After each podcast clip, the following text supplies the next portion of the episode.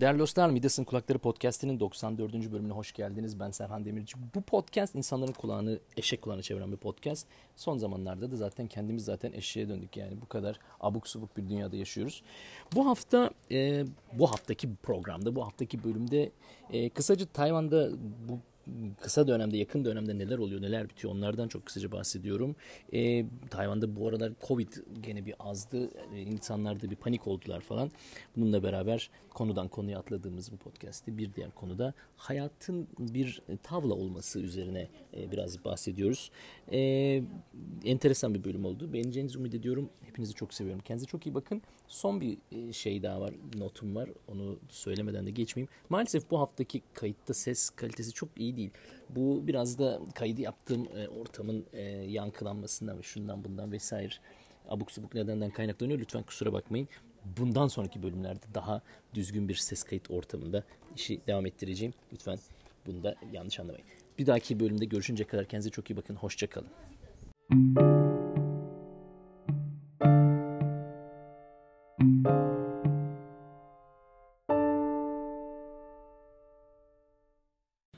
Bu aralar Tayvan'da e, şey Covid meselesi böyle bir ateşlendi. Dünyada insanlar Covid'i unuttular aslında yani hani çok bu kadar ciddi alınmıyor gibi bir his içindeyim ama biz Tayvan'da e, bunu farklı bir şekilde yaşıyoruz. E, şeyi bir kere çok ciddi anlamda bir Covid şey olmadı. E, etkisi olmadı. Etkisi olmadı derken yani böyle bir ölen, kalan, böyle bir perişanlık öyle bir şey yaşanmadı. E, hayat etkisi oldu tabii şeyler, karantinalar, şunlar bunlar, e, lockdownlar, herkes evlere kapandı falan.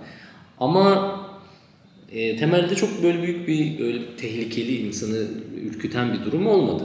Ne olduysa bu aralar böyle tekrar yükseldi. İşte bunu çeşitli nedenlere bağlıyorlar. İşte bazı bayramlar oldu, çeşitli dini bayramlar oldu. İnsanlar kalabalık toplaşmalar oldu. İşte e, bahar tatili oldu. Yani insanlar gezmeye gittiler falan filan. Hani ne, ne olduysa bir şekilde bu aralar böyle bir e, sıkılaştı. Çok korkuyor Tayvanlılar şeyden. Covid'de olmaktan ya da ne bileyim hastalık. Yani hastalığın kendisinden mi korkuyorlar yoksa o hastalandı sıfatını yemekten mi korkuyorlar ondan çok emin değilim. Bunu biraz anlatmak istiyorum. Çünkü hani e, ne, haber oluyorsun yani hani lan falanca hastalanmış. Herkes biliyor, herkes anlatıyor. Hani sanki onun böyle bir kötü bir e, etiket böyle bir sırtına bir şey yapışıyormuş gibi.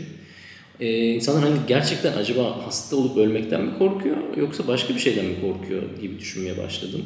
Bu aralar e, böyle gene geçen hafta örneğin bütün okul e, online'a geçtik, lockdown oldu şeyde o gerçek şey kesildi. Mesela dün dün e, bizim üniversitedeki bir öğrencinin Covid'li olduğu ortaya çıktı. Onunla beraber sınav alan yani beraber sınav sınava gelmiş e, vizeye gelmiş. Vize alan öğrenciler bugün e, okula gelmesin dendi. Üç gün onlara müsaade verildi. Benim öğrencim o bugün okula gelmesin diyen grupla beraber yemek yemiş. Ya hocam ben de mi gelmesem bana bir şey olur mu? Endişeli yani ciddi panikle böyle gecenin bir körü mesaj atıyor. Ya böyle bir bu aralar böyle Covid'in gene patladığı ve böyle can sıktığı bir dönemden geçiyoruz. Hayırlısı valla ne diyeyim yani bir şey diyemiyorum.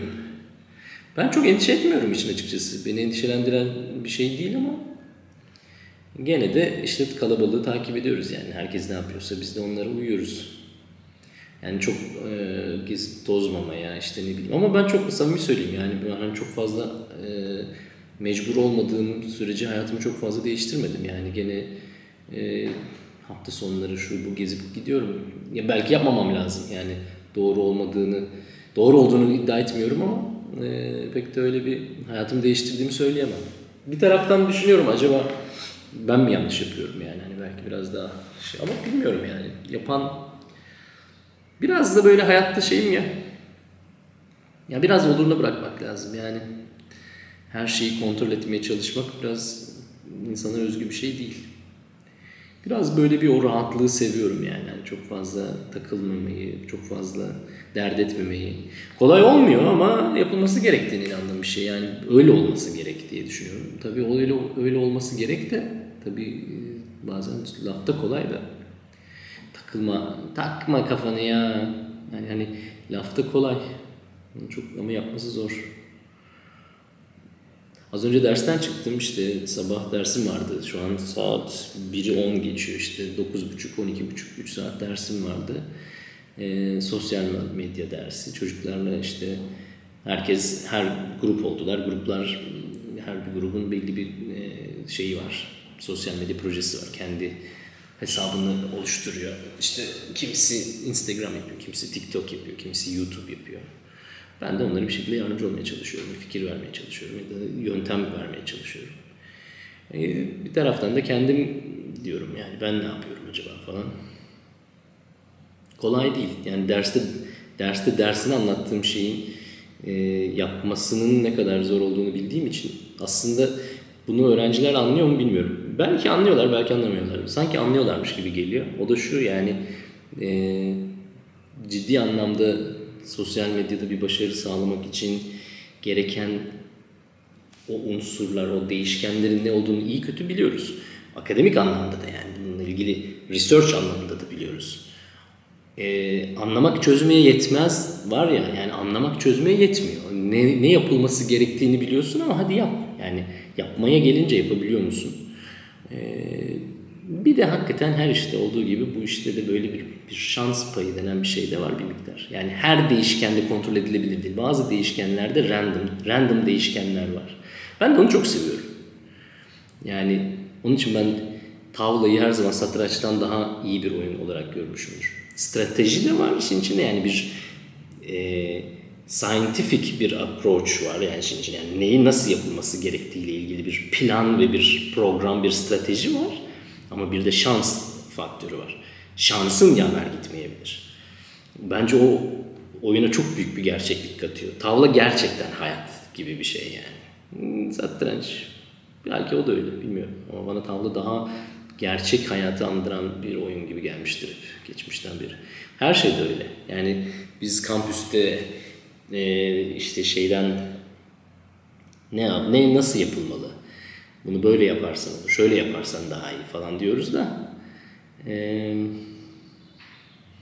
o her zaman o kadar söylendiği gibi de olmayabiliyor yani. Hani anlat söylemesi kolay, anla, anlamak çözme yetmez. Yani ben bir işin nasıl yapılacağını anlayabilirim, onu anlatabilirim. Ama gerçekten yapabilir miyim? Gerçekten anlat, dinleyen taraf yapabilir mi? O başka bir şey. Başka bir şey.